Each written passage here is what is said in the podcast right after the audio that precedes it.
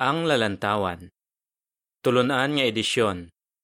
Nobyembre 2021 Tulunan nga artikulo 44 Ini nga artikulo pagatunan sa simana sang Enero 3 hasta 9 Paano ka mabuligan sang mainunungon nga gugma ni Jehova? Teksto nga ginbasihan sini nga artikulo. Ang mainunungon nga gugma ni Jehova wala sing katapusan Salmo 136, 1 Ambahanon 108 Matutom nga gugma sang Dios Ang binagbinagon sa sining nga artikulo Ano ang mainunungon nga gugma? Sino ang mga ginapakitaan ni Jehova sing mainunungon nga gugma? Kag paano sila mabuligan sini? Sabton ini nga mga pamangkot sa sini nga artikulo. Binagbinagon sa sini nga artikulo kag sa masunod nga artikulo ining dalayawon nga kinaiya. Para po uno pamangkot. Ano ang ginapalig-on ni Jehova nga himuon naton? Importante gid kay Jehova ang mainunungon nga gugma. Gusto niya nga importante man ini sa aton. Paagi kay manalagna Mikiyas, ginapalig-on kita sang aton Dios nga higugmaon ang mainunungon nga gugma. Mikiyas 6.8 footnote. Pero para mahimo naton ini, dapat naton anay mabalaan kung ano ang mainunungon nga gugma. Para po dos pamangkot. Ano ang mainunungon nga gugma? Ano ang mainunungon nga gugma? Ang ekspresyon nga mainunungon nga gugma, mabasa sing mga 230 ka beses sa bag-ong kalibutan nga badbad sang balaan nga kasulatan. Ano ang kahulugan sini? Suno sa glossary sang mga termino sa Biblia sa sini nga translation, nagapatuhoy ini sa gugma bangod sa pangako, katutom, pagkamainunungon, kag tudok nga pagpalangga. Masami ini nga gingamit may kaangtanan sa gugma sang Dios sa mga tawo. Pero gugma man ini nga ginapakita sang mga tawo sa isa kag isa. Si Jehova ang pinakamaayo nga halimbawa sang nagpakita sing mainunungon nga gugma. Sa sini nga artikulo, binagbinago naton kung paano ginapakita ni Jehova ang mainunungon nga gugma sa mga tawo. Sa masunod nga artikulo, binagbinago naton kung paano naton mailog si Jehova sa pagpakita sing mainunungon nga gugma sa isa kag isa. Si Jehova bugana sa mainunungon nga gugma. Para po tres pamangkot. Ano ang ginsiling ni Jehova kay Moises parte sa iya kaugalingon? Wala madugay pagwa sang mga Israelinhon sa Ehipto. May ginsiling si Jehova kay Moises parte sa iya ngalan kag mga kinaiya. Nagsiling siya. Si Jehova, si Jehova, isa ka Dios nga maluluyon kag mainawaon. Indi dali maakig kag bugana sa mainunungon nga gugma kag kamatuoran. Nagapakita sing mainunungon nga gugma sa linibo. Nagapatawad sing sayop kag paglapas kag sala. Exodo 34:6 kag 7. Makatalandog gid ang paglaragway ni Jehova sa iya mga kinaiya. Paagi sa sini, may ginsiling siya kay Moises parte sa iya mainunungon nga gugma. Ano ini? Para po 4 kag 5, pamangkot sa A. Paano ginlaragway ni Jehova ang iya kaugalingon? Pamangkot sa B. Ano nga mga pamangkot ang binagbinago naton? Wala lang nagsiling si Jehova nga may ara siya mainunungon nga gugma. Kundi nagsiling siya nga bugana siya sa mainunungon nga gugma. May pito pa ka teksto sa Biblia nga mabasa ini nga ekspresyon. Sa tanan nga teksto nga mabasa ini nga ekspresyon, nagapatuhoy ini kay Jehova, hindi sa tawo. Talalupang dunggid ang paglaragway ni Jehova sa iya mainunungon nga gugma. Gani importante gid sa iya ang mainunungon nga gugma. Ang footnote nagasiling. Mabasa man naton ang bugana nga mainunungon nga gugma sang Dios sa iban pa nga mga teksto sang Biblia. Balik sa parapo. Bangod sini, nakasiling si Hari David, O Jehova, ang imo mainunungon nga gugma nagalambot sa mga langit. Hamili gid ang imo mainunungon nga gugma, o Diyos ko. Sa landong sang imo mga pakpak, nagadangop ang mga tawo. Salmo 36, 5 kag 7. Pareho kay David, importante man bala sa aton ang mainunungon nga gugma sang Dios? Para mahangpan pagid naton sing maayo ang parte sa mainunungon nga gugma, binagbinago naton ang duha ka pamangkot. Sino ang ginapakitaan ni Jehova sing mainunungon nga gugma? Kag paano kita mabuligan sang mainunungon nga gugma ni Jehova? Sino ang ginapakitaan ni Jehova sing mainunungon nga gugma? Para po sais pamangkot. Sino ang ginapakitaan ni Jehova sing mainunungon nga gugma? Sino ang ginapakitaan ni Jehova sing mainunungon nga gugma? May mga ginsambit sa Biblia nga mga butang nga pwede naton higugmaon, pareho sang kasuguan, disiplina, ihibalo, kag kabuhi. Salmo 119:97, Hulubaton 12:1, kag unang Pedro 3:10. Pero ang mainunungon nga gugma, hindi gid mapakita sa mga butang. Kay mapakita lang ini sa mga tawo. Pero hindi but silingon nga ginapakitaan ni Jehova sing mainunungon nga gugma ang tanan nga tawo. Ginapakita lang niya ini sa mga may suod nga kaangtanan sa iya mainunungon ng aton Diyos sa iya mga abyan.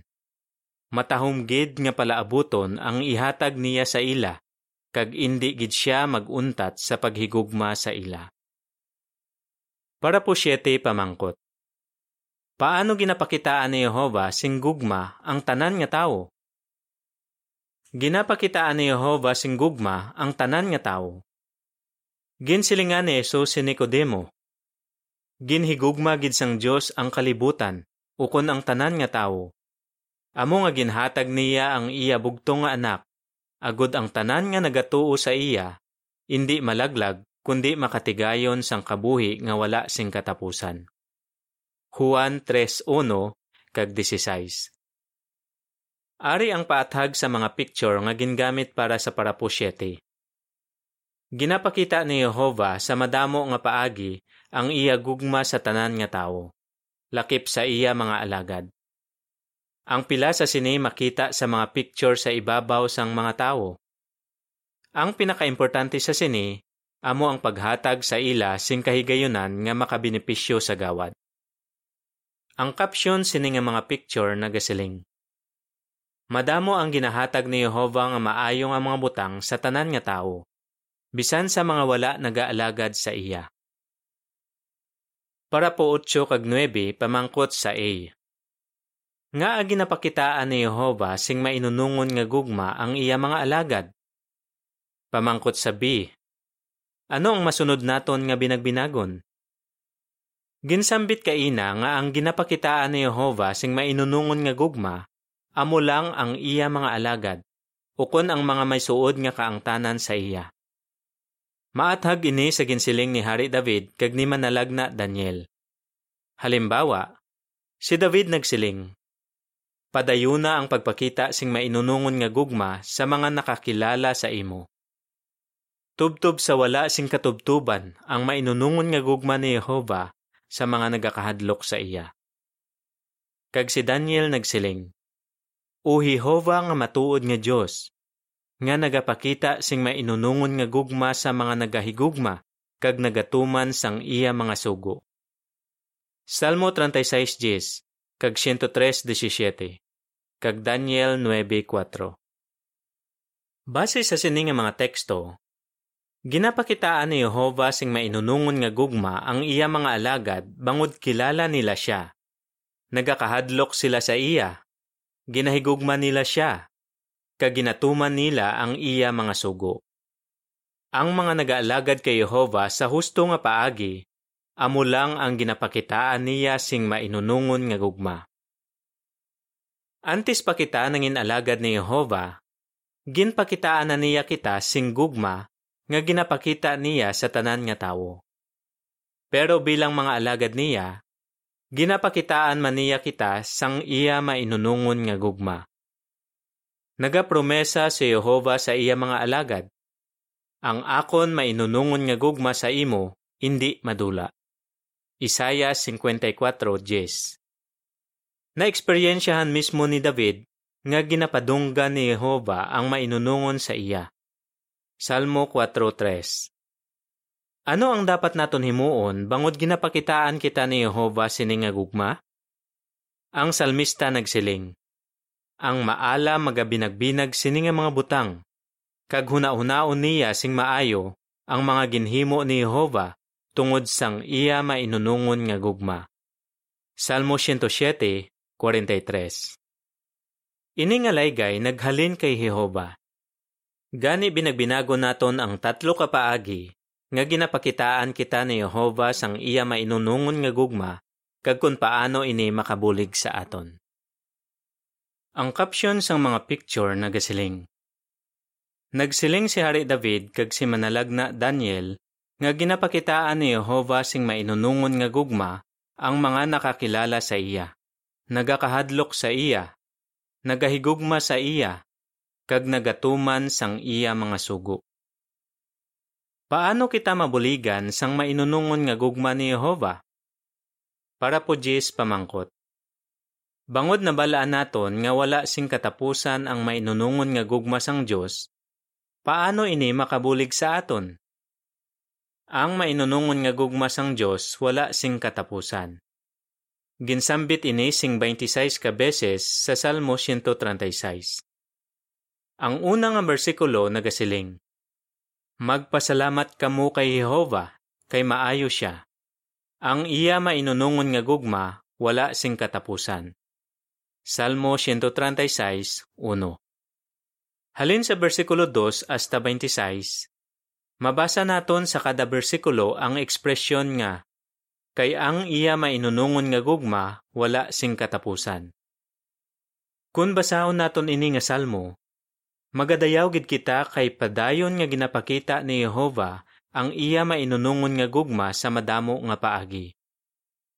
Ang pagsulit-sulit sa ekspresyon nga, kay ang iya mainunungon nga gugma wala sing katapusan, Nagapasalig sa aton nga ang gugma sang Dios sa iya katawhan wala nagabag-o. Makapaligon gid mabalaan nga indi matak-an si Jehova sa pagpakita sing gugma sa iya mga alagad. Sa baylo, nagaunong siya sa mga nagaalagad sa iya kag wala niya sila ginabayaan.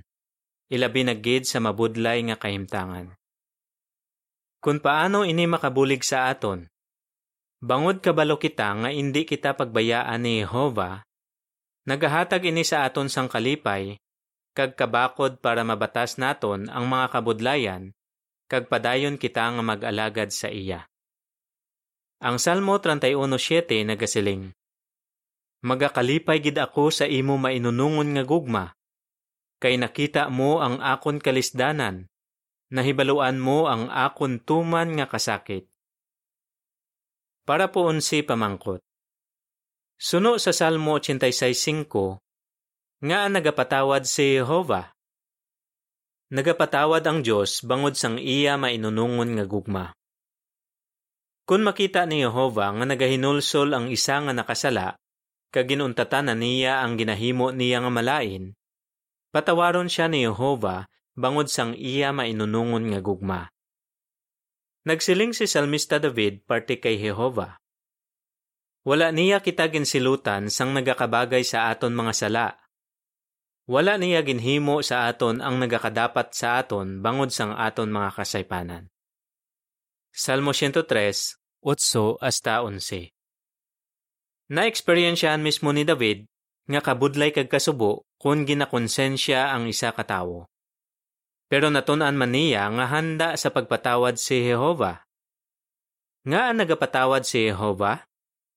Mabasa nato ng sabat sa Salmo 86.5. Ini nagasiling, Kay ikaw o Jehova, maayo kag handa sa pagpatawad.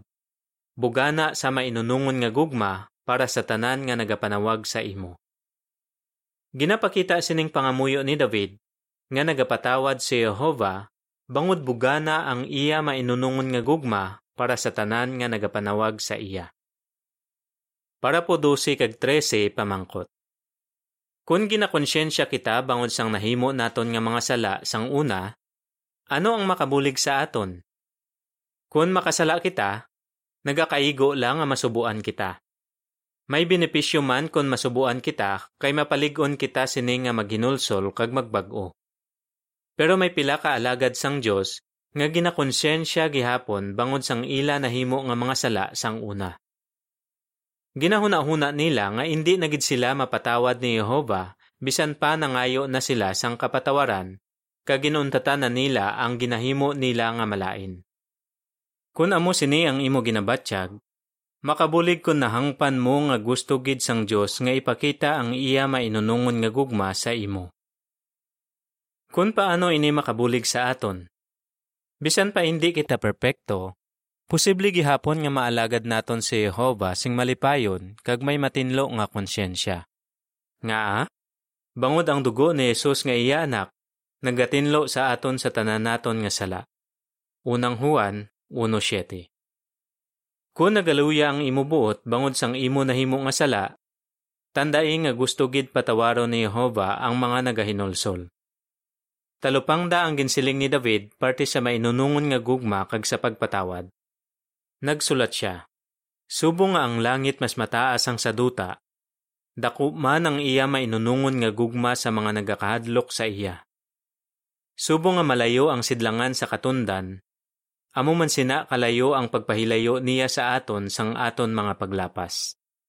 Salmo 103:11 kag 12. Huo, handa gid si Jehova nga magpatawad sing bugana. Isaya 55:7. Para po 14 pamangkot. Suno kay David, paano kita ginaamligan sang mainunungon nga gugma sang Dios? Ang mainunungon nga gugma sang Dios nagaamlig sa aton para indi maguba ang aton kaangtanan sa iya. Nangamuyo si David kay Jehova, Ikaw ang akon palanaguan. Amligan mo ako sa katalagman. Palibutan mo ako sang malipayon nga mga singgit sang kaluwasan. Ginapalibutan ni Jehova sang iya mainunungon nga gugma ang nagasalig sa iya. Salmo 32, 7 kag 10 Sang panahon sang Biblia, ang mga pader nga nagapalibot sa isa ka syudad, nagaamlig sa mga tawo sa ila mga kaaway. Pareho sini nga mga pader, ang mainunungon nga gugma ni Jehova nagaamlig man sa aton para hindi maguba ang aton kaangtanan sa iya. Kagbangod sang mainunungon nga gugma ni Jehova, ginpapalapit niya kita sa iya. Para po kinsi pamangkot. Nga mapaanggid sa dalangpan kag kuta ang mainunungon nga gugma ni Jehova. May ginsiling pagid si David para ilaragway kung paano ginaamligan sang Diyos ang iya katawhan. Nagsulat siya, Ang Diyos amo ang akon maligon nga dalangpan. Ang Diyos nga nagapakita sing mainunungon nga gugma sa akon. Nagsiling man si David parte kay Jehova. Siya ang nagpakita sa akon sang mainunungon nga gugma kag siya ang akon kuta siya ang akon maligon nga dalangpan, kag ang akon manluluwas. Siya ang akon taming, kag ang isa nga akon palaliptan. Salmo 59:17 kag 144:2. Nga agin paanggid ni David sa dalangpan kag kuta ang mainunungon nga gugma ni Jehova. Ginapakita sini nga amligan kita ni Jehova para hindi maguba ang aton hamili nga kaangtanan sa iya. Himuon niya ini bisan diin man kita nga bahin sang kalibutan, basta nagaalagad kita sa iya. Pareho man sa sini nga pasalig, ang mabasa naton sa Salmo 91. Ang manunulat sini nga salmo nagsiling, Magasiling ako kay Jehova, ikaw ang akon dalangpan, kag ang akon kuta. Salmo 91.1 hasta 3 Ginsambit man ni Moises nga si Jehova isa kadalangpan. Sang malapit na lang mapatay si Moises, may ginsiling pagid siya parte sa sining nga makapaligon gid sa aton. Nagsulat siya, Ang Diyos isa kadalangpan halin pa sang una, ang iya mga butkon nga magapabilin tubtubsan o, magaalay-ay sa imo. Deuteronomio 33.27 Ano ang ginasugid sa aton parte kay Jehova sang ekspresyon nga ang iya mga butkon nga magapabilin tubtubsan o magaalay ay sa imo. Para po 16 pamangkot. Ano ang duha naton kapag pakamaayo? Kung si Jehova ang aton dalangpan, mabatyagan gid naton nga naamligan kita. Pero kung kaisa, mahimo nga nagaluya ang aton buot kag indi ini madula. Paano kita buligan ni Jehova? Ang Salmo 136:23 nagasiling. Gindumdum niya kita sang indi maayo ang aton kahimtangan. Kay ang iya mainunungon nga gugma, wala sing katapusan. Alay ayon kita sang iya mga butkon. Paligunon niya kita. Kag buligan niya kita nga madula ang pagluya sang aton buot. Kun paano ini makabulig sa aton? Bangod kabalo kita nga amligan kita permis ang Dios, makabulig ini sa aton nga dumdumon ining duha ka pagpakamaayo. Una, amligan gid kita permi ni Jehova bisan diin man kita naga-star. Ikaduha, palangga gid kita sang aton amay sa langit. Ari ang paathag sa mga picture nga gingamit para sa parapodjes hasta 16. Magluwas sa gugmang ginapakita ni Jehova sa tanan nga tawo. Ginapakitaan pagid niya sang iya mainunungon nga gugma ang mga nagaalagad sa iya kag nagatuo sa gawad. Ang pila sa sini makita sa mga picture. Ang caption sini nga mga picture nagasiling. May ginahatag pagid nga mga pagpakamaayo si Jehova sa mga nagaalagad sa iya. Makasalig kita sa mainunungon nga gugma sang Dios. Para po 17 pamangkot. Bangod sang mainunungon nga gugma sang Dios, ano ang masaliga naton? Nabinagbinag naton nga kung may mga problema kita, makasalig kita nga buligan kita ni Jehova para makapabilin kita nga matutom sa iya. Nagsiling si manalag na Jeremias. Wala kita malaglag bangod sa mainunungon nga gugma ni Jehova, kayang iya kaluoy wala sing katapusan. Panalambiton 3.22 Makasalig kita nga padayon kita nga pakitaan ni Jehova sing mainunungon nga gugma, Bangod ang Biblia nagasiling nga ang mata ni Jehova nagabantay sa mga nagakahadlok sa iya, sa mga nagasalig sa iya mainunungon nga gugma. Ang Salmo 33:18 hasta 22 nagasiling. Ang mata ni Jehova nagabantay sa mga nagakahadlok sa iya, sa mga nagasalig sa iya mainunungon nga gugma. Agod luwason sila sa kamatayon, kag agod amligan sila sa tion sang tigulutom Nagalaom kami kay Jehova. Siya ang nagabulig sa amon, kag amon taming. Nagakasadya kami tungod sa iya, kay nagasalig kami sa iya balaan nga ngalan. O Jehova, kabay nga ang imo mainunungon nga gugma, magpabilin sa amon, samtang padayon kami nga nagasalig sa imo. Para po 18 kag 19, pamangkot sa A. Ano ang dapat naton tandaan? Pamangkot sa B. Ano ang binagbinago naton sa masunod nga artikulo? Ano ang dapat naton tandaan? Antes pa kita nangin alagad ni Jehova, ginpakitaan na niya kita sing gugma nga ginapakita niya sa tanan nga tawo. Pero ginapakitaan pagid niya kita sang iya mainunungon nga gugma, bangod nagaalagad kita sa iya. Bangod sini nga gugma, ginaamligan kita ni Jehova. Indi gid niya kita pagbayaan, kag tumanon gid niya ang iya dalayawon nga mga promisa sa aton. Gusto niya nga mangin abya naton siya, sing wala sing katapusan. Gani bisan anuman ang aton problema, hatagan kita ni Jehova sang kabakod para makapabilin kita nga matutom sa iya. Nabinagbinag naton kung paano ginapakita ni Jehova ang mainunungon nga gugma sa iya mga alagad gusto man niya nga magpakita kita sing mainunungon nga gugma sa isa kag isa. Paano naton ini mahimo? Importante gid nga mabalaan naton ang sabat sa sini. Binagbinagon ini sa masunod nga artikulo. Ano ang imo sabat? Ano ang mainunungon nga gugma? Sino ang ginapakitaan ni Jehova sing mainunungon nga gugma? Nga dapat mo pasalamatan si Jehova bangod sang iya mainunungon nga gugma. Ambahanon 136 Bugos nga padya halin kay Jehova. Dari natapos ang artikulo.